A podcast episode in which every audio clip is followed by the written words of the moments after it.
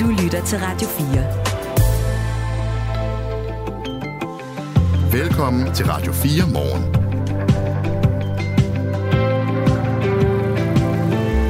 Stormen Pia er på vej ind over landet og ventes at ramme kraftig vind i løbet af dagen, og det betyder også, at vandstanden flere steder vil stige, både i dag og i de kommende dage. Vi tager en øh, status på, hvordan vejret kommer til at udvikle sig, og det gør vi i selskab med den vagthavende meteorolog ved DMI. Og det her det kommer også til at betyde, at i Frederikssund Kommune i Nordsjælland, der evakuerer man øh, i dag øh, borgere, der modtager hjælp i eget hjælp, øh, hjem, og det skyldes ikke kun risikoen for oversvømmelse, men også at kommunens hjemmepleje ikke kan komme ind til de boliger, som ligger bag de her store water tubes, der skal holde vandet væk. Vi taler med øh, to lokale om cirka en halv time. I det hele taget kommer vi nok til at tale rigtig meget om vejret i dag, Michael. Og det er også det, som, øh, som rigtig mange jo interesserer sig for. Hvordan kommer det til at gå? Er det overstået, inden det bliver juleaften? Og så videre, så videre. Men udover det, så er der også landet, haha, en stor fiskerirapport, som skal være udgangspunkt for fremtidens fiskeri i Danmark. Den kom i går. Og i den er der særligt et punkt, som vækker opsigt, nemlig at man også skal tænke dyrevelfærd ind i det, når man taler om erhvervsfiskeri.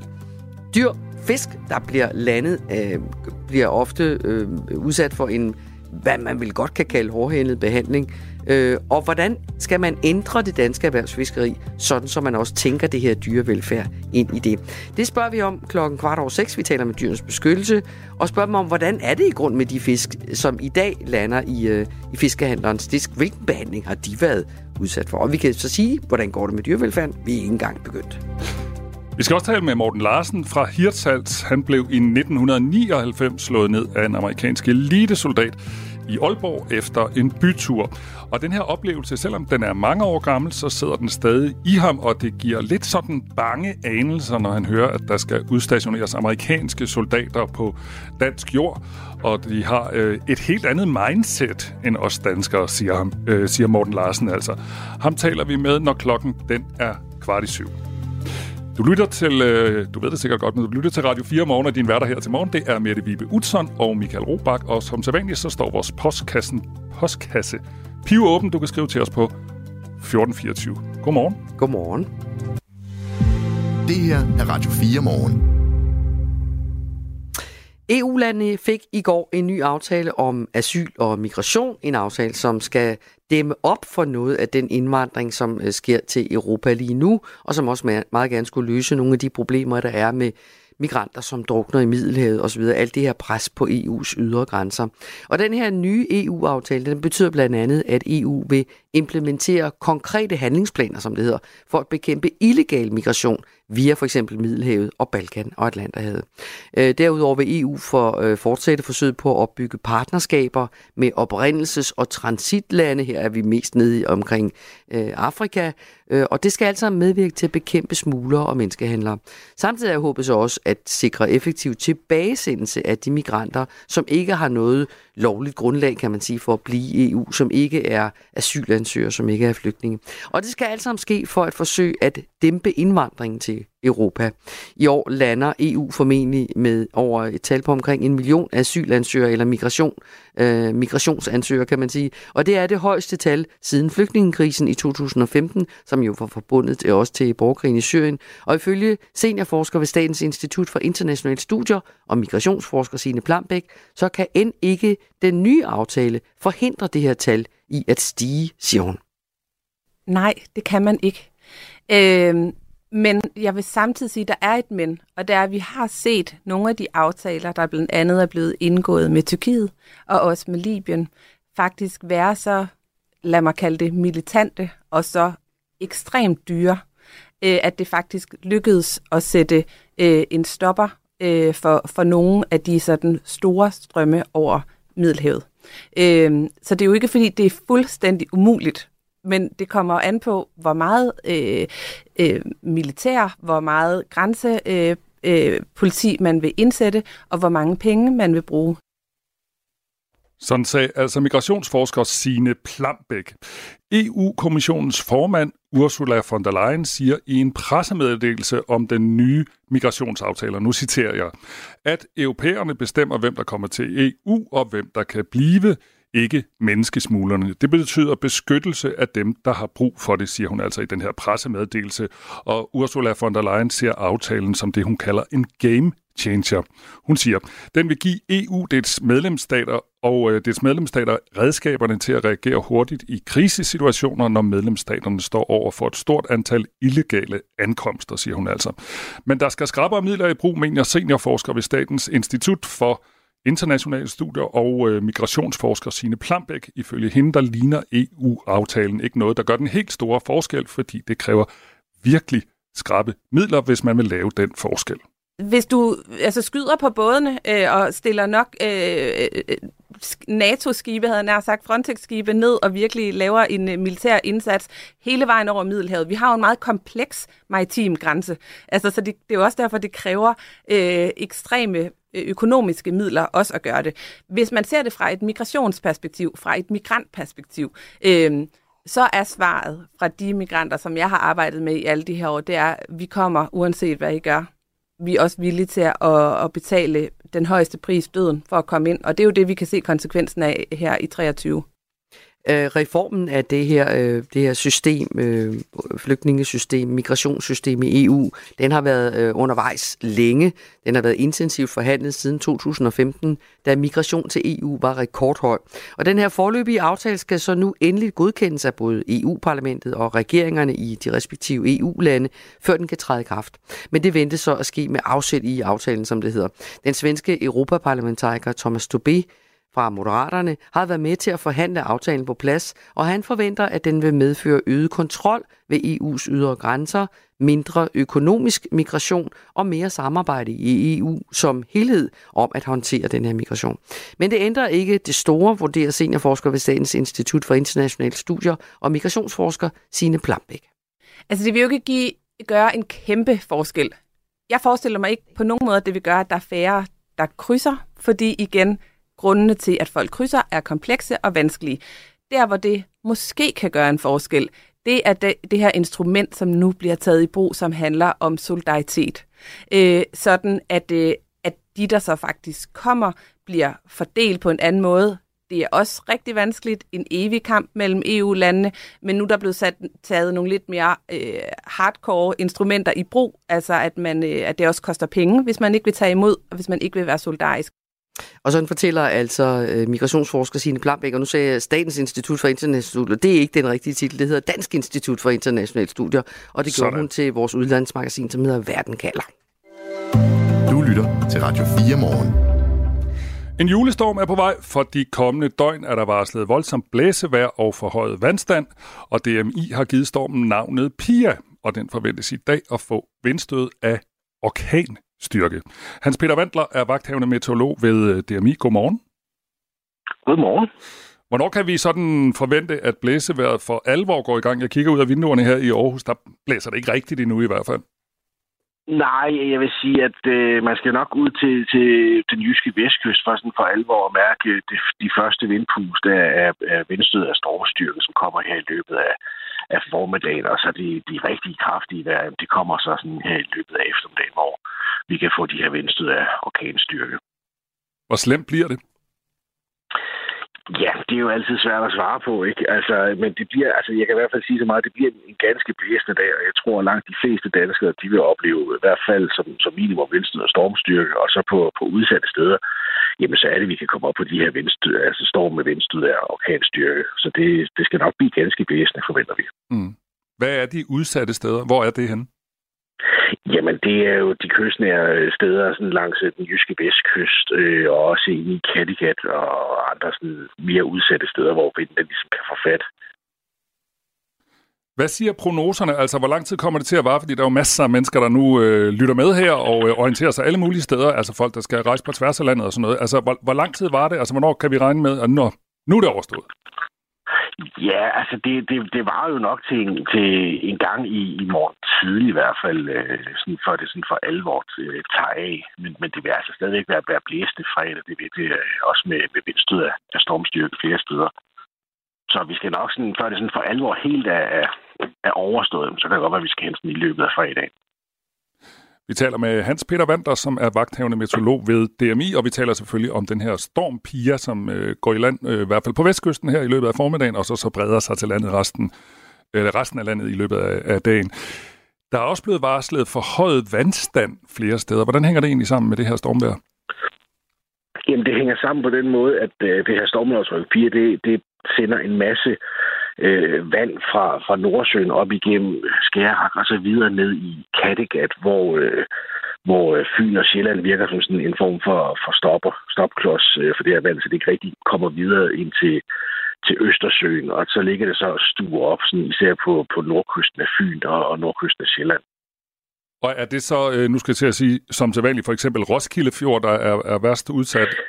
Ja, det er Roskilde Fjord og Isefjorden, og så øh, Odense Fjorden, så, som, som især har øh, vores opmærksomhed. Men man skal selvfølgelig være opmærksom øh, alle de steder, hvor vi har, vi har varslet. Hvilke forholdsregler skal man egentlig tage som borger i forhold til det her vejr, tænker du? Jamen altså, i forhold til vinden, så skal man selvfølgelig, øh, hvis man skal ud, så skal man nok lige planlægge sin rejse og være opmærksom på, at der kan jo være væltet nogle træer. Man skal jo følge øh, øh, trafikinformationen øh, og, og myndighedernes øh, anbefalinger. Og det her med vand, jamen, så skal man selvfølgelig heller ikke bevæge sig ud på ud til kystområderne, fordi øh, broer og moler, de kan jo ligge under vand, og øh, vand de kan strømme ind på lavtliggende områder, viadukter og veje og sådan noget, og også komme hen til huse, altså hvor folk bor, ikke? Så det er jo, det er jo også noget med ligesom at sikre sig selv med, med nogle krydsfinerplader, eller måske nogle sandsække. Det er jo ikke så lang tid siden, vi havde sådan en lignende situation. Der var den her storm den 20. 21. Øh, oktober, og det førte jo til rigtig, rigtig mange oversvømmelser mange steder i landet. Er det egentlig normalt, at vi ser slag, den her slags øh, vejrfænomener med så korte mellemrum? Der vil jeg sige, det, det er nok mere et spørgsmål til, til klimatologerne, end Okay. det er til os. Øh, Okay. Det, det er jo rigtigt nok, at det, det er jo, vi, vi kaldte det jo ikke, ikke en storm øh, hen, men øh, det var bare sådan et, det er mere vedvarende blæsevejr. Okay. Det var så den sydlige del af Østersøen, altså øh, vestlig Østersø. Så, så det var den sydlige del af landet, der ligesom var, var mere udsat dengang, så det er sådan lidt en omvendt situation. Okay. Der er en her, der skriver øh, til dig, Hans Peter, øh, på 1424. Får vi så stormflod på østkysten, når vandet skal retur? Nej, det ser umiddelbart ikke ud til. Altså, vi, vi kan jo se sådan nogle tilbageskulp i de her øh, øh, situationer med forhøjet vandstand. Men det ser egentlig umiddelbart ud til, at når vinden ligger sig, så, så kommer det sådan, så, så aftager vandstanden sådan bare sådan stille og roligt af sig selv, og gør ikke umiddelbart sådan en større væsen af sig selv ud til lige. Tak skal du have, Hans Peter Vander, altså vagthavende meteorolog ved DMI. Jeg skal, jeg skal lige spørge dig her til sidst, Hans Peter. Øh, det der med, den hedder Pia, hvorfor er den egentlig kommet til at hedde Pia? Det er noget, der er blevet øh, i sin tid øh, stemt om øh, herinde på, på det. Min masse forskellige navne var, var bud. Så, så det er det var simpelthen det, det blev til. Okay. Ja, det, Havde- havde det, det er simpelthen en regulær afstemning. Havde du et navn med i puljen? Øh, nej, der var nogle øh, forudbestemte navne, vi kunne stemme blandt. Okay. okay. Tak skal du have. Det var så lidt. Og øh, de her varslinger om øh, forhøjet vandstand har fået Frederikssund Kommune til at udsende øh, eller til at foretage nogle evakueringer både til dem der får hjemmehjælp i ældrepleje, men også sommerhus øh, ejere i de her udsatte områder. Vi taler med to fra Frederikssund, to borgere fra Frederikssund. Det gør vi efter nyhederne klokken halv syv. Lige nu der er klokken 18 minutter over 6. Det her er Radio 4 morgen. Ude i alt det der vand, som nu volder os så store problemer, når, der, når det stormer meget i Danmark, der er der også en øh, kæmpe ressource, der var i hvert fald engang, af fisk, Michael. Yes, der er masser af fisk. Et, øh, Eller hvad? Ja, det var der jo i hvert fald engang, ikke? Mm. Øh, og det er der vel også nogle steder stadigvæk. Øh, og man går og holder øje med, hvordan skal det her fiskeri egentlig foregå som, som, øh, hvad skal man sige, som erhverv, som industri. Og der er kommet en øh, længeventet rapport fra Fiskerikommissionen, som holder øje med alt det her. Øh, en kommission, der er nedsat af Fiskeriministeriet, og den kom så endelig i går. Og hvis fisk kunne læse, ville de formentlig blive glade. Den er ganske vist 331 sider lang, og den indeholder et hav af punkter og anbefalinger for fremtidens fiskeri i Danmark, som politikerne på Christiansborg nu skal diskutere og formulere til en eller anden form for politik. Men der er et øh, afsnit, som stikker lidt ud. Det handler om, at fiskerne i fremtiden skal, som det hedder, stræbe efter den bedste dyrevelfærd for de fisk, de lander. Det står der i et afsnit, der fokuserer på fiskenes velbefindende eller velfærd. Godmorgen, Nikolaj Lindeborg. Godmorgen havbiolog hos øh, Dyrenes Beskyttelse. Du blev i og for sig temmelig glad, da du læste, at Fiskerikommissionen i deres rapport også har haft fokus på dyrevelfærd øh, i fremtidens fiskeri. Men lad os lige tale om, synes jeg, ud, øh, som udgangspunkt, hvordan det egentlig ser ud i dag, fordi danske fiskere lander så omkring 30 milliarder fisk hvert år. Hvordan har de det, når de først er havnet i menneskehænder? Jamen, det er korrekt. Og de, de bliver jo landet i mange forskellige typer fiskeri. Men fælles for dem er, at man ikke tager så meget hensyn til deres øh, fiskevelfærd under fangsten af dem. Så hvordan vil det være oplevelserne? Altså, hvad, hvad er det for en, en situation, de er i, hvis vi skal sammenligne dem med alle mulige andre former for erhvervsdyr? Jamen, det er en situation, hvor fiskene får nogle, øh, nogle alvorlige oplevelser og skader under, under deres fangst. Altså, hvor de bliver sidder længe i fangstredskaberne og bliver klemt under fangsten, og ofte ikke bliver slået ihjel, når de kommer op på, på fiskebåden, hvor de, øh, hvor de dør mere eller mindre af sig selv. Så hvis man skal se på fiskenes øh, dyrevelfærdsperspektiv, kan man så spise en fanget fisk i Danmark, industrifisket, eller hvad man skal kalde det for, en fisk fra industrien, øh, med god dyrevelfærdssamvittighed, vil du sige? Nej, man kan ikke i dag finde en, øh, en fisk, hvor man er sikker på, at, øh, at den har haft det, jeg vil kalde god dyrevelfærd. Så vi har, vi har rigtig lang vej igen for hele fiskeriet med at, at forbedre dyrevelfærden. Og hvorfor er det sådan? Ja, det må du nok spørge om. Men øh, ej, der er nogle, øh, der er nogle kulturelt betingede øh, ting, der gør, at vi, øh, vi har været vant til at se på fisk som et, et dyr, der ikke skulle have de samme øh, rettigheder og behandles med samme anstændighed som, øh, som andre dyregrupper. Sådan en, en nedarvet læring, at, at de var koldblodede, og de ikke kunne, kunne føle smerte. Men, øh, men det er altså ikke rigtigt. Det er rigtigt, de er koldblodet, men meget tyder på, at de kan føle smerte. Så hvad ved vi om det, når det nu ligefrem er blevet til et punkt i den her øh, kommissionsrapport? Hvad ved vi om, hvordan fisk oplever det her?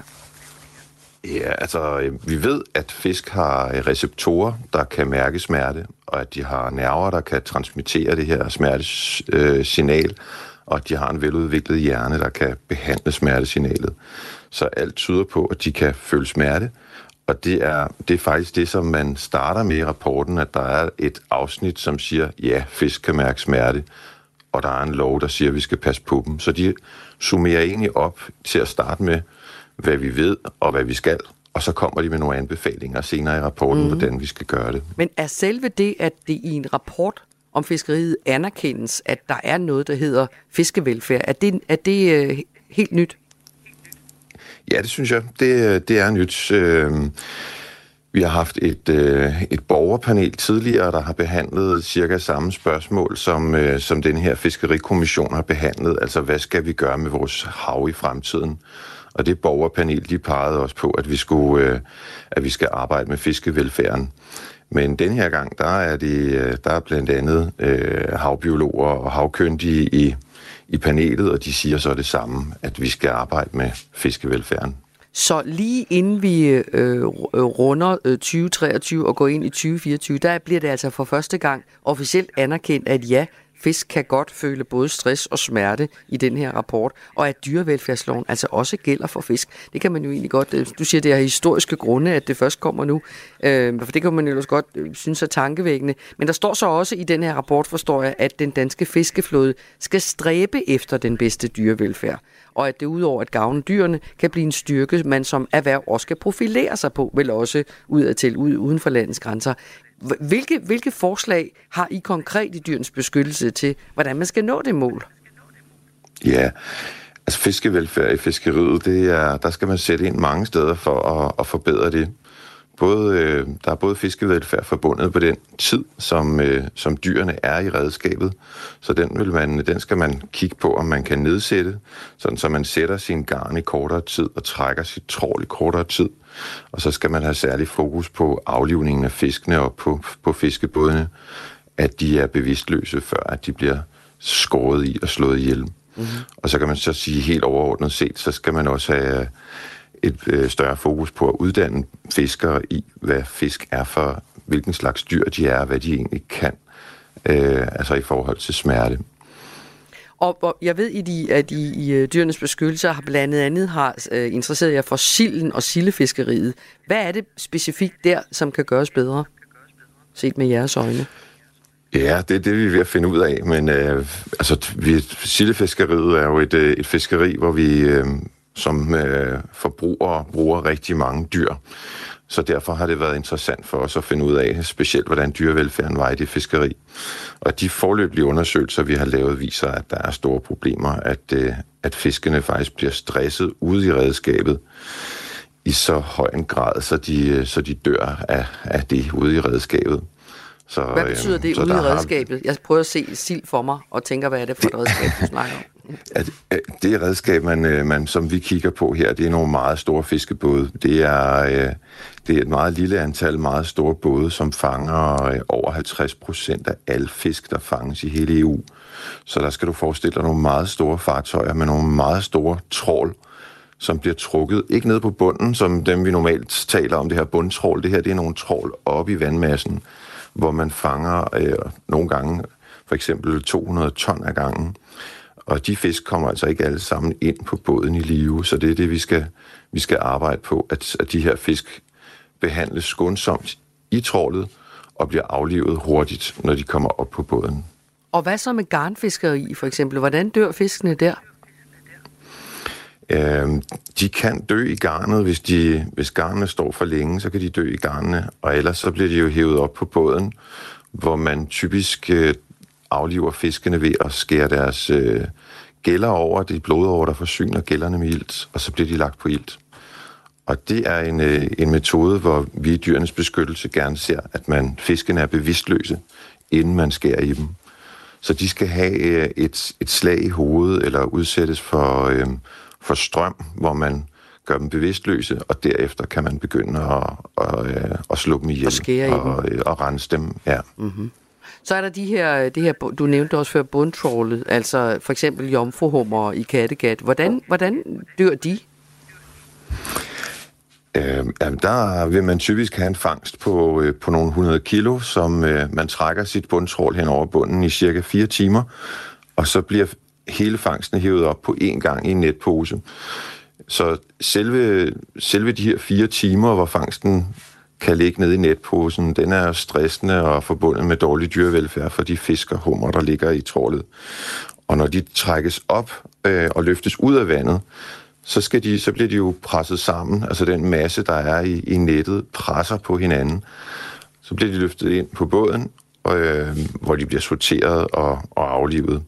Og der er en masse problemer i den proces også, hvordan de bliver håndteret ind på båden. Men så man kan sige, at alle processerne i sådan en fangst er egentlig problematiske. Tiden i redskabet, den måde, man løfter dem ind på, og den måde, man håndterer dem ind på båden. Er der overhovedet nogen fiskemetoder, som så, hvor man med, med god samvittighed kan sætte sig ned og, og spise det, den fisk, eller det, det, det, det krebs, eller den, det skalddyr, der kommer ud af det, som er etisk forsvarlige lige nu?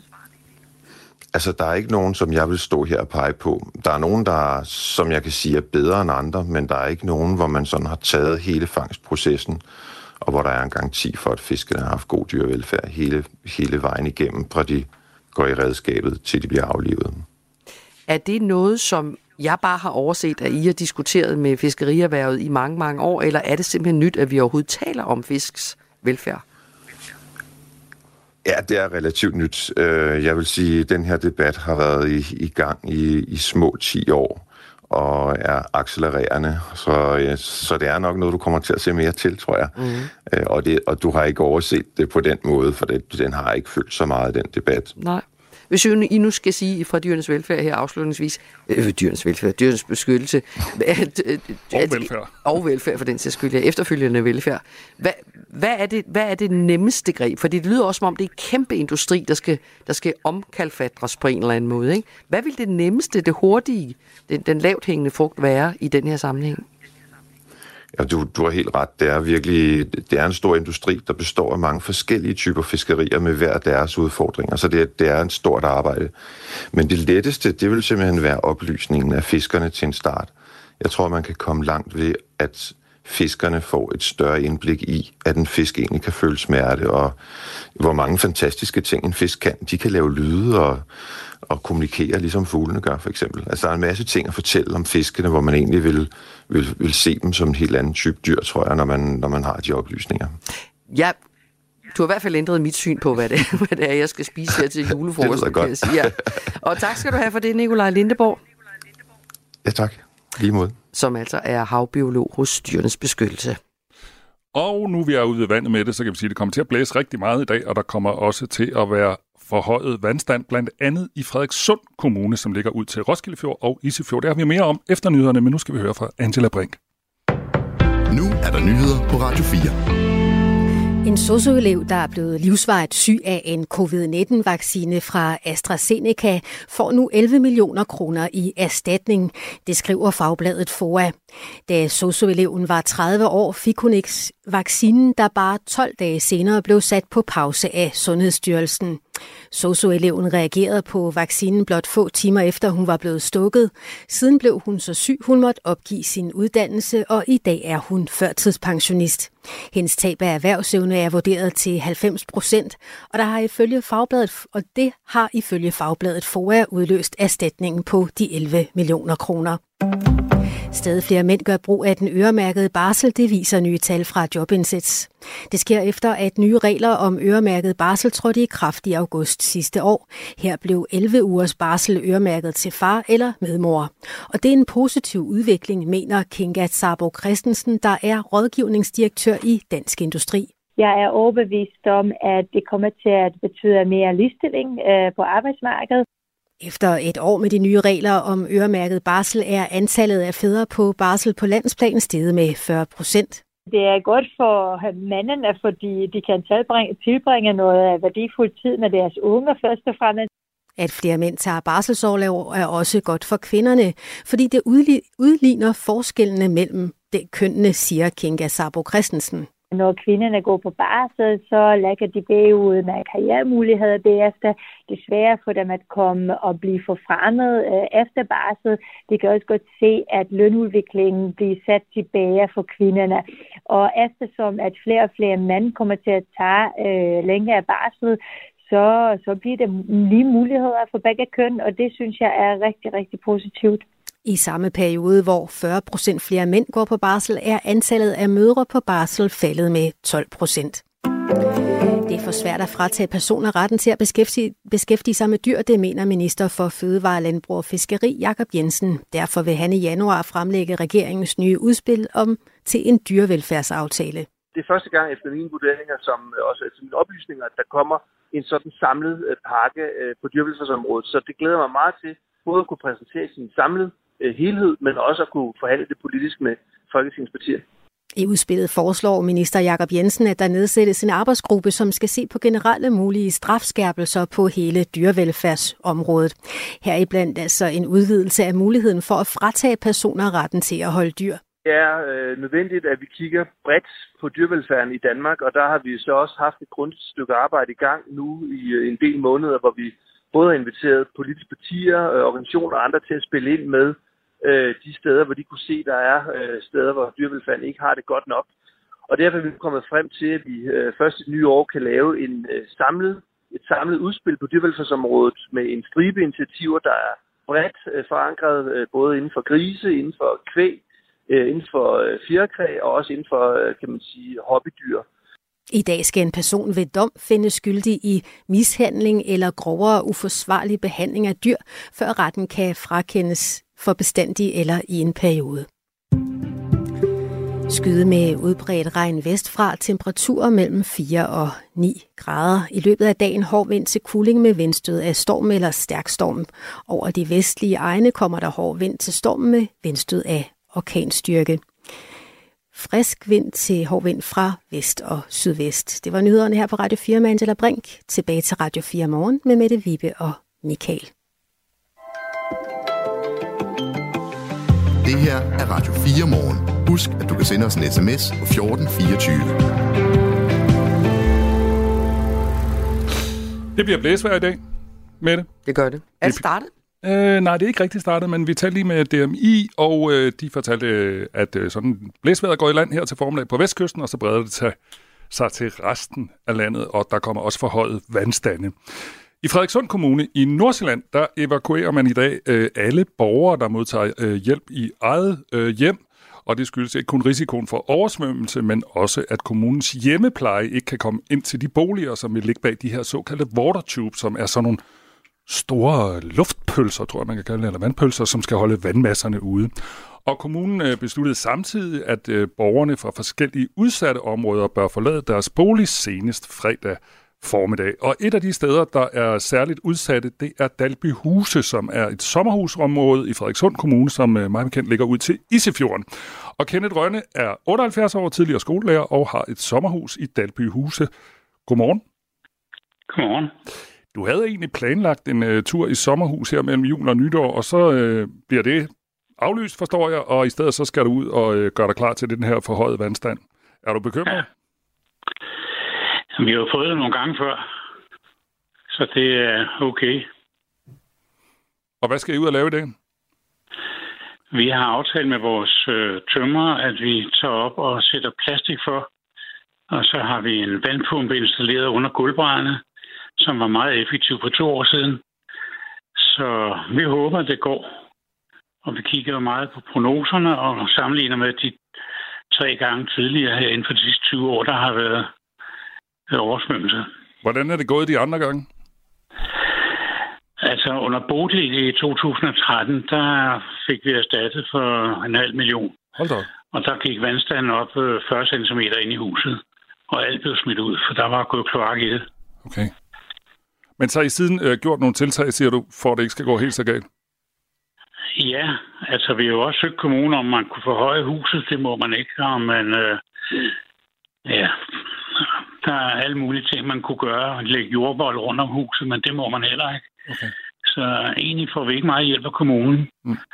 Men uh, vi har lavet de tiltag, at vi har lavet en plan om, hvordan man beskytter huset ved at sætte plastik med nogle træhammer. Uh, men vandet kommer mange steder fra. Det kommer ikke alene ned fra Isefjorden, det kommer også oppefra. Og så kommer der nedefra, fordi grundvandet stiger. Og så kommer der, hvis det er regnvejr, det bliver det jo nu her også igen. Mm. Så det, det er jo næsten håbløst. Men vi gør, hvad vi kan.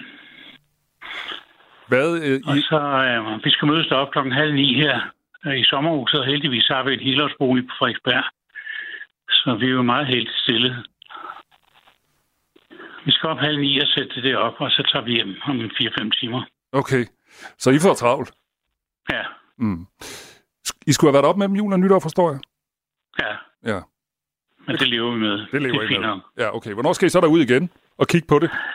Jamen altså, når nu vi dækker ind med plastik, så betyder det, at øh, vi sikrer os i januar og februar måned, hvor det plejer at være værst. Og det vil sige, øh, vi kommer ikke derop før 1. marts. Okay. Heller ikke lige op og kigge der... og, og se på, hvordan det er gået? Nej, vi har nogle naboer, eller, ja, der bor på vejen, som øh, tager ind og kigger og meddeler. Okay. Godt naboskab. Man kan ikke engang køre derned med bil, altså der er sjask godt. Mm. Kan man, vender man så det her, uh, Ken, uh, Kenneth Røgne? Altså, kan man vende sig til, at det er nogle gange sådan, det er med jeres sommerhus i det område? Nej, jeg vil sige, den, der var under urt i 16, øh, der var vi så fortvivlet efter at have brugt så mange penge. Altså, vi fik selvfølgelig stormflodsskade. Men øh, øh, alt det besvær, det gjorde, at vi sagde til vores tømmer, nu bestiller du en opvarmet container, og så rykker du alt ud. Så vi rørte ikke en finger. Og så rykker han det hele ind igen efter at have lagt nye gulv og så videre. Koster det jer egentlig en masse penge, alt det her? Ja, det gør det, men altså i første omgang, der betalte stormflodssikringen jo øh, det hele. Mm. Men øh, for hver gang, der er oversvømmelse, så får vi 10% mindre hjælp. Og det er jo forfærdeligt at tænke på, hvad det kan komme til at koste. Mm. Og det undrer mig lidt, at man ikke laver et dige. De har lovet det i 10 år, men er det ikke kommet endnu. Ja, det er lidt Fordi øh, det vil koste hver husstand op hos os 65.000 i alt. Og når jeg tænker på de skader, der er forvoldt, hvad det har kostet staten og forsikringerne, det er helt vildt. Ja. Tak skal du have, Kenneth Rønne. Vi krydser fingre for, at det ikke går helt galt. Ja, men tak for det. Godt, og god Hej arbejdsløst. Hej igen. Øh, og som nævnt, som nævnt, så vil Frederikssund Kommune øh, evakuere folk, der får hjemmehjælp fra de her udsatte områder, hvor kommunen frygter, at de kan komme frem med hjælp. Bjarne Skovby, han er 78, han bor i jeres pris og er kørestolsbruger. Godmorgen. Godmorgen. Som jeg forstår det, så bor du sådan øh, lige ud til Roskilde Fjord i første parket, 10 meter fra vandkanten, og hjemmeplejen ringede til dig i går. Hvad sagde de? Jamen, de vil gerne have mig ud herfra. Øh, og jeg sagde, nej tak, jeg bliver, hvor jeg er. Øh, det var de ikke så tilfredse med, tror jeg. Men øh, det gør jeg altså. Hvorfor? Jeg har, jeg har været, det er min fjerde gang, jeg er udsat for det her, og øh, det første gang, det var i 1973. Jeg har boet det her hus i 54 år. Øh, og øh, første gang der i 73, der var broen også helt lukket. Øh, men vandet har aldrig været inde i huset, heller ikke under Bodil. Øh, det har været måske lige en centimeter eller to fra at kunne nå ind, men, men, men heller ikke længere. Øh, og jeg sætter min lid til, at det er nogenlunde det samme dengang. Øh, men jeg kan ikke, øh, jeg kan ikke, jeg tror ikke, jeg ville kunne holde ud og sidde op på et plejehjem i byen, øh, og så spekulere på, hvad sker der med mit hus. Så vil du hellere, øh, så vil du hellere være derhjemme? Så vil jeg hellere. Ved du hvad, i 1952, tror jeg det var, der var et skib, der hed The Flying Enterprise, der var på vej til England og blev fanget i en orkan. Og det øh, fik slagside, øh, og der var mange andre skibe i området, som der kom til hjælp og fjernede besætningen og andre. Øh, men kaptajnen ville ikke forlade skibet, og han var der. Skibet fik slagside og lå på næsten 45 grader vinkel, og han blev ombord på det skib i syv dage. Han, var, det blev en verdens, han blev verdensberømt på det der. Øh, men du kan kalde mig kaptajn Carlsen. Jeg, jeg skal til at sige, det er styrmand Carlsen, som uh, du taler om. Ja. Ikke? Men Bjarne, ja, men, ja. men, Bjarne, men jeg kan godt blive bekymret for dig alligevel, fordi styrmand Carlsen sad jo ikke i kørestol, som du gør, altså. Vel? Så jeg synes, du skal... Jeg håber, du passer på dig selv. Ja, ja, det gør jeg også. Det, øh, lad os nu se, hvor slemt det bliver.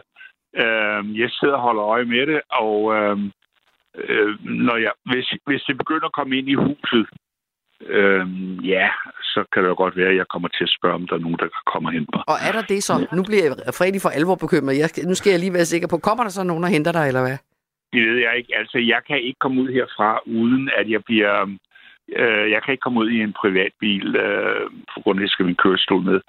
Øh, og jeg er en voksen menneske, skal jeg lige så sige. Øh, så øh, det, hvis jeg skal væk, så bliver det beredskabsstyrelsen, øh, som der må komme og hente mig. Okay. Og det ved jeg godt, at man kan ikke bare lige ringe til dem og tro, og så bliver man hentet her nu. Men du har en Så, plan, øh, lyder det som, Bjarne. Ja, det, øh, jeg er ikke så bekymret, må jeg bare sige. Og jeg synes, jeg er god til at løse øh, øh, problemer, når de opstår, og jeg finder ud af det undervejs. Vi taler med Bjarne Skovby, som er 78 år og bor i jeres pris, og er kørestolsbruger, og som ikke vil evakueres. Øh, Bjarne, jeg ved, at du øh, får normalvis besøg af hjemmeplejen tre gange dagligt. Kan du undvære det? Øh, de to, ja. Det er kun til dosering af medicin, eller give mig noget medicin. Det kan jeg jo godt finde ud af. Øh, men men, øh, men den, den, den første gang om morgenen, der, øh, det er sovepleje, fordi jeg har nogle voldsomme øh, sidesår. Øh, og de skal plejes og renses øh, hver dag. Så, men, men jeg har ikke øh, nogen vandtuber eller noget andet mærkeligt hernede. Øh, folk, jeg laver det sådan, at folk godt kan komme ind. Mm. Øhm, som man siger, en rev har mange udgange, og det har jeg også her i det her hus. Jeg, jeg, jeg bor i et stort hus på 254 kvadratmeter, som jeg har brugt hele mit liv på at, at købe. Og, og, nej, ikke købe, men renovere og, og, og, og bygge. Øhm, og, og der er, øh, jeg tror, der er fire-fem udgange. Så, øhm, og noget af det ligger måske mindre tilgængeligt på grund af vand, og andet ville der ikke være nogen problemer. Så ja, jeg finder en udvej. Du er både en rev og en styrmand Carlsen, og lidt af en, og lidt af en overlever. Ved du hvad, Bjarne Skovby, øh, vi krydser også fingre for, at øh, du får sådan, øh, på trods af alt det her uvær, får sådan en rimelig fredelig torsdag, og måske også fredag. Tak fordi du var med i Radio Ja. 4 morgen. Ja, ja tak for det. Tak. Hej, hej. Hej. Og det er jo så småt begyndt at tække ind, Michael, med, øh, med meldinger rundt omkring øh, i landet. Altså, der er nu øh, kraftig blæst øh, over ved Vestkysten. Det er gået i gang øh, derovre. Og den første bro er også lukket. Øh, det er den bro, der hedder Kronprins Frederiks bro. Den ligger ved Frederikssund. Den er nu lukket og forventes først genåbnet i weekenden. Storbæltsbroen den lukker for al biltrafik, når middelvind er over 25 øh, meter i sekundet. Og det, den, den risiko for vindstyrke, at den styrke Øhm, øh, er, eller undskyld, øh, vind af den styrke, det er, starter altså først omkring torsdag aften kl. 20 til tidlig fredag morgen, siger man. Øresundsbroen kan også godt risikere at lukke i en periode, men det er der altså heller ikke nogen meldinger om endnu. Og lad os lige sige, at øh, klokken kvart i ni, så tager vi altså det store overblik. Der har vi både øh, Banen Danmark, Vejdirektoratet og Molslinjen med, for lige at høre, hvordan det står til, og hvad man kan forvente, når man nu skal rejse på tværs af landet, eller hvis man skal rejse på tværs af landet i forbindelse med julen. Nu klokken kvart i syv. Radio 4. Ikke så forudsigeligt. Den danske regering har jo besluttet sig for at indgå en aftale med USA, som betyder, at amerikanske soldater fremover får tilladelse til at opholde sig øh, både sådan fysisk øh, med soldater, men også med materiel på dansk jord. Det er ret historisk i virkeligheden, og det vækker en masse øh, følelser. Nogle er virkelig begejstrede. Nu kommer amerikanerne og passer på os. Andre er mere øh, forsigtigt bekymrede. Fordi hvad kan der nu ske, hvis øh, amerikanske soldater ikke skal underlægges dansk lovgivning? Hvad så? Og 42-årig Morten Larsen fra Hirtal siger simpelthen, jeg er bange for, at der kan blive ballade med de amerikanske soldater. Det siger han, fordi han i 1999 blev slået ned af en amerikansk elitesoldat ved en tank i Aalborg efter en bytur. Og den oplevelse sidder stadig i ham og giver bange anelser, også når statsminister Mette Frederiksen for nylig på et presmøde sagde sådan her. Som udgangspunkt, så vil retsforfølgningen ske amerikansk. Vi har ikke nogen forventning om, at amerikanerne ikke kommer til at opføre sig ordentligt, når de, når de kommer til at være udstationeret her. Morten Larsen, godmorgen. Godmorgen. Statsministeren siger, at vi har ikke nogen forventninger om, at amerikanske soldater kommer til at opføre sig andet end, øh, end ligesom ellers andre havde sagt, altså pænt og ordentligt. Men det var ikke sådan, du oplevede mødet med en amerikansk soldat den aften der i 1999. Du blev slået ned i Aalborg af en amerikansk soldat. Hvad var det, der skete? Jamen det der skete, det var, at øh, vi var nogle stykker, som havde været en tur i byen, og øh, så ville vi til hjem, og så ville vi forbi øh, en øh, tankstation og lige øh, købe noget sodavand, og nogen vil have en, øh, en øl. Og øh, vi stiller så i kø øh, og skal betale det, og så kan jeg på et tidspunkt høre, at der, der sker et eller andet bagved, så jeg vender mig om. Øh, og så står den her soldat, som jeg så ikke vidste, han var på daværende tidspunkt. Øh, så han var ikke i uniform? Bagved mig. Nej, det var han ikke. Nej. Øh, og så, hvad hedder det, øhm, kigger han sådan underligt på, på det, jeg har øh, i hånden. Jeg kan så ikke huske, om det er en, en øl eller en sodavand. Og så spørger jeg så ham, øh, er det noget, øh, du vil have, eller hvad, eller, eller noget, du er interesseret i? Og så siger han så, what? Og så griner jeg bare og vender mig om igen. Og så, øh, så bliver han ved med at så stå og snakke, og så vender jeg mig om igen, og så tager han simpelthen den der flaske, han har, en en øh, plastikflaske med land, eller alt cola, og så slår mig i, i ansigtet, så min øh, næse den øh, brækker, og øh, sidder faktisk øh, hvad det hedder, midt på, midt på, på ansigtet af mig, så meget brækker den op, så hårdt har han slået, og jeg flækker øh, hvad hedder det, et sted i min pande, så det strømmer ud med blod. Øh, så løb, går jeg så op til, til kassen, og så får, får hjælp deroppe og får en papir ved ham, der, der står på, på tankstationen. Og min kammerat, som så samler mig op, kan man sige, for jeg var inde i nogle hylder, der med, på tankstationen. Han bliver så slået i, i nakken med flasken også af ham her soldaten.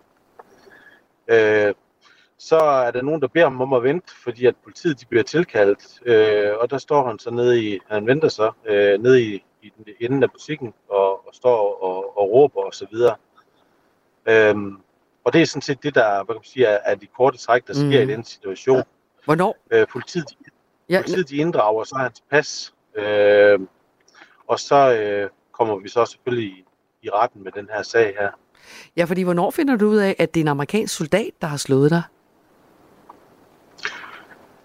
Øh, jeg tror faktisk først, det er igennem min, øh, min advokat dengang, at det er en amerikansk soldat. Ellers mm-hmm. så mhm. vidste jeg det ikke. Mm-hmm. Som var på øvelse i Danmark? Eller noget tilsvarende? Øh, ja, der var en, øh, en øvelse i Aalborg, hvor det var, at øh, han deltog, eller skulle være, faktisk være med til at lede den, som jeg forstod det dengang. Øh, på daværende tidspunkt øh, havde han øh, rang af major, så man kan jo sige, at han er jo en, en højt dekoreret øh, soldat fra, fra Amerika.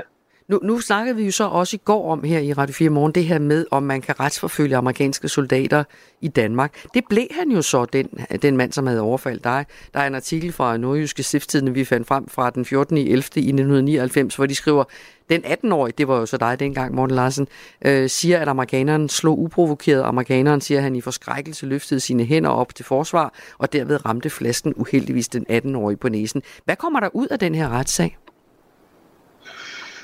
Jamen nu er det selvfølgelig så mange år siden, øh, og jeg var ikke så gammel dengang, Nej. så... Men øhm, altså, han, han får en eller anden form for dom i hvert fald, øh, fordi at han kan jo ikke for, forklare, hvorfor han så slår min, øh, min kammerat i nakken med den her flaske her. Øh, så han får en eller anden form for hvad kan man, straf, øh, men som min advokat sagde dengang, øh, fik jeg jo så at vide igennem mine forældre, der havde kontakten med advokaten, at øh, med den type af straf, så, så, så burde han ikke øh, kunne fortsætte i, i militæret i, i USA. Mm-hmm. Øhm, men det, det, det tror jeg nu, han har gjort, hvis jeg skal være helt ærlig, som ja. jeg lige kan, har, har kigget på øh, indtil i dag. Og man kan også sige, at det her er jo en enkeltstående sag, og der kan være øh, unge mennesker, øh, der kommer op og slås. Det har man hørt om før, og også især når man har drukket alkohol osv. osv., osv. Og alligevel hvad var det første, du tænkte, da det så kom frem på pressemødet i går, at amerikanske soldater altså nu igen skal have mulighed for at være i Danmark i længere perioder? Selvfølgelig, det, det knytter sig jo til den opfældelse, eller den oplevelse, jeg havde jo, så tænkte jeg jo, at, øh, at jeg håber selvfølgelig ikke, at der er nogen, der, der kommer ud for, for samme oplevelse, som, øh, som jeg har haft, fordi det var jo fuldstændig øh, altså, umotiveret. Der var jo ikke nogen grund til, at, øh, at jeg skulle slås ned. Jeg har overhovedet ikke virket truende øh, på, på nogen som helst måde. Og som øh, min advokat sagde dengang, også i retten, at øh, hvis han havde følt sig truet, jamen, så var han jo så højt hvad kan man sige, uddannet, at der var ingen grund til at, at reagere på den måde, som, som han nu gjorde. Snakkede du nogensinde med ham igen, soldaten her? Øh, da vi skulle i retten dengang, der, der kom han over til, til jeg og mine forældre og ville øh, give dem hånden. Øh, øh, dengang, mm-hmm. øh, hvilket de så ikke vil. Øh, jeg vidste ikke engang, det, altså først da, da der kom ind over, at det var ham, så stak han så hånden over til mig, øh, og så sagde undskyld, øh, sorry. Så mm. han, han vidste jo godt et eller andet sted, at det var, at det ikke var godt, og kunne jo se, at mit hoved det var bundet ind i, i gips. Øh, så, så jeg tror godt udmærket, at han var klar over, at han havde lavet en, en, en fejl her. Mm. Når du så tænker på det, jeg ved jo godt, det er rigtig mange år siden øh, det her, øh, men, men når du tænker på det i dag, hvad var det så, der skete, tror du? Altså, hvor meget havde det at gøre med, at det var en amerikansk soldat, og hvor meget havde det at gøre med alle mulige, du ved, som jeg sagde før, alle mulige slagsmål kan jo opstå på alle mulige måder, når der er sådan er unge mennesker, der møder hinanden i, øh, under måske ovenkøb påvirket af alkohol osv. Hvad var det, hvad, når du ser tilbage på det, hvad var det så, der foregik? Jamen altså, jeg kan jo ikke, altså, den adfærd, den, øh, den ligger så langt væk fra mig af, så jeg kan ikke, øh, jeg kan ikke sætte mig ind i, i hvordan man skal, kan reagere på den måde der, men det jeg har tænkt, det er selvfølgelig om, øh, altså, øh, han har haft øh, måske noget, der har trigget øh, til den reaktion der, øh, og som det kom frem her igennem de, de seneste åringer med, med, med PTSD, om der kan have været et eller andet øh, der, der har kan man sige, udløst det. Øhm, altså det er det, jeg tænker på, fordi mm. det er ikke en normal handling at, at foretage øh, og gøre det på den der måde der. Altså at det, at han var soldat og, og kan have haft nogle oplevelser med sig fra forskellige krigshandlinger, kan have påvirket hans, øh, hans øh, temperament eller hans reaktioner eller et eller andet? Altså det er bare en antagelse. Jeg, jeg kan bare ikke se, hvad der ellers skulle altså, forårsage, at Nej. man gør sådan en handling, at man tager en, øh, et, det var så bunden af en flaske, ikke også, og så slår øh, en anden mand i hovedet øh, øh, med så hård kraft, kraft, at næsten den brækker og, og sidder midt på, midt på ansigtet. Mm. Øh, det kan jeg slet ikke øh, sætte mig ind i. Så, så jeg tænker, at, at, at der må være altså, noget andet, der har udløst det, fordi der har som sagt ikke været nogen form for konfrontation eller, eller truende adfærd, der kunne have gjort, at, øh, at den handling den kan forsvares. Og, og Morten Larsen, når vi taler med dig i dag om det her, øh, og du fortæller den her historie, som jo øh, har, har nogle år på banen, så er det fordi din kone skrev ind i går, da vi talte om konsekvenserne af amerikanske soldater på, på dansk jord, og skal de følge, hvad sker der, hvis der for eksempel opstår en episode som det her, hvor, hvor du bliver overfaldet, ikke? og så skrev din kone, det ved ja. min mand, fordi han har, han oplevede det for nogle år tilbage. Ikke? Så, så ja. hvad, vil, hvad vil du, altså hvis du, man skal jo være varsom med at generalisere og sige, fordi det er sket for dig det her, uanset hvor, hvor ubehageligt det må have været, og hvordan det i øvrigt har sat sig spor øh, hos dig efterfølgende. Hvad, hvad, hvad, hvad tænker du så om det med, at de nu fremover, altså i, i et stigende antal, skal være i Danmark over længere tid? Jamen som sådan, så, så er der jo ikke noget, jeg, jeg tænker, der er et problem i det. Det, det der bare kan gøre mig nervøs, øh, det er, at øh, hvis man for eksempel ser med, med, med Vietnamkrigen, øh, hvor USA deltog dengang, der var der omkring 2,8 millioner øh, soldater, der går tjeneste der, øh, og der mener de, øh, hvad hedder ud fra nogle øh, undersøgelser, at 700.000 af dem, de faktisk har haft øh, psykiske skader i form af blandt andet PTSD. Og mange soldater øh, i dag i, i USA, som, som vi også har set et program om, de er, de er faktisk bange for at fortælle om det her, fordi så mister de deres job. Så i henhold til det, så, så kunne jeg godt være nervøs for, at måske der er nogen, der, der går med nogle, øh, nogle udfordringer, som, som ikke er behandlet, og som måske ligger latent. Så der skal måske ikke så meget til at, at trigge en eller anden øh, form for selvforsvar øh, i sådan en situation. Mm-hmm. Det er det, jeg lige sådan umiddelbart tænker. Ja. Morten, jeg sidder heroppe på den anden side af skrivebordet og lytter med. Øhm, hvad tænkte du så egentlig, da du hørte det her med, at de amerikanske soldater ikke kan retsforfølges i Danmark? Har du, har, har du også tænkt noget over det? Altså, det er jo planen, når de her soldater kommer, at hvis de begår nogle ulovligheder, så skal det efterforskes af de amerikanske myndigheder, og de skal for det amerikanske retssystem. Jamen, der synes jeg jo, at man skal, skal håndhæve den lov, som, som er i det land, man befinder sig i. Så, så, så det mener jeg jo, at de skal retsforfølges i Danmark i og med, at de er kan man sige, i vores land, øh, og der mener jeg, at de skal være under vores lov. Mm. Morten, tak skal du have, fordi vi må tale med dig, og du vil øh, dele historien med os og Radio 4 Morgens lytter. Jamen, velbekomme da.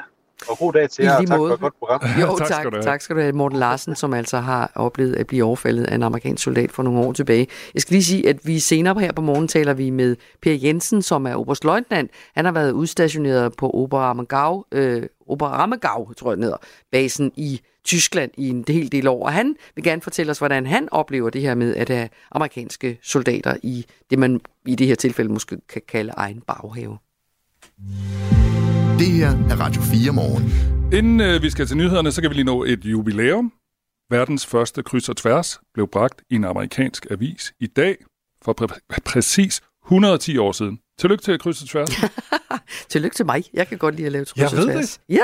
Du har nogle gange kryds og tværs lige med på arbejde. Jamen, det er, fordi jeg sidder i toget på vej hjem til København, hvor jeg bor, og så er det en hyggelig ting, fordi hvis man er træt i hovedet, ja. øh, og, og ikke rigtig overgår at læse avis måske, eller noget andet, eller læse en bog eller et eller andet, så er det sådan en dejlig måde. Jeg tænker altid på det som at tømme hjernen, Michael. Okay. Ja. Og jeg ved også, du har et ritual om morgenen, ikke? Jo, fordi at... Øh, hvis man læser nyhedsmails, som vi to jo skal gøre, fordi vi er nyhedsjournalister, så kan man godt blive i virkelig, virkelig dårligt humør. Og så, når jeg har lavet min morgente, så sætter jeg mig hen med min krydsord.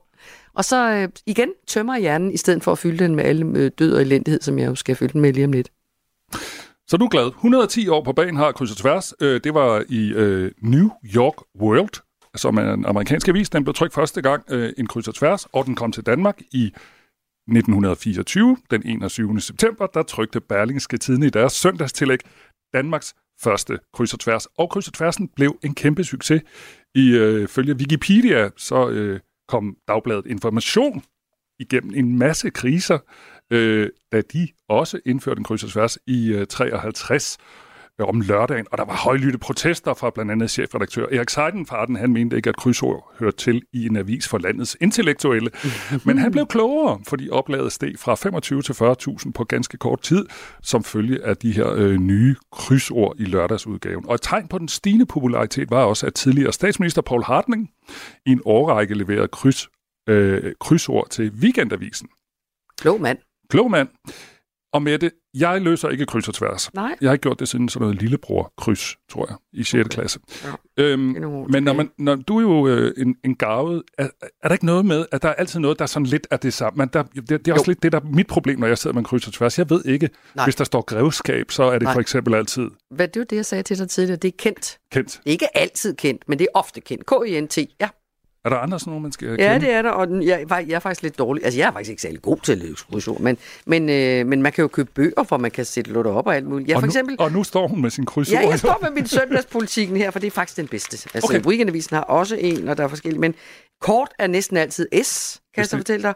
Øh, grevskabet, det er kendt. Øh, Klippeø, det er ofte, hvis det er på Må to bogstaver. Nå, Ja, jeg, jeg skulle til at sige Bornholm. to bogstaver. to bogstaver. Nej, Øh, to bogstaver. Ej, det ved jeg ikke. Klippeø, to bogstaver. Det kan jeg ikke. IF, IF. Aldrig hørt om. Nej, men det ville du have gjort, hvis du havde løst krydsord. Ja, men der er meget, man kan lære. Ja. med de her krydsord. Men tillykke til kryds og tværsen. Og til mig. Og til dig med de 110 år.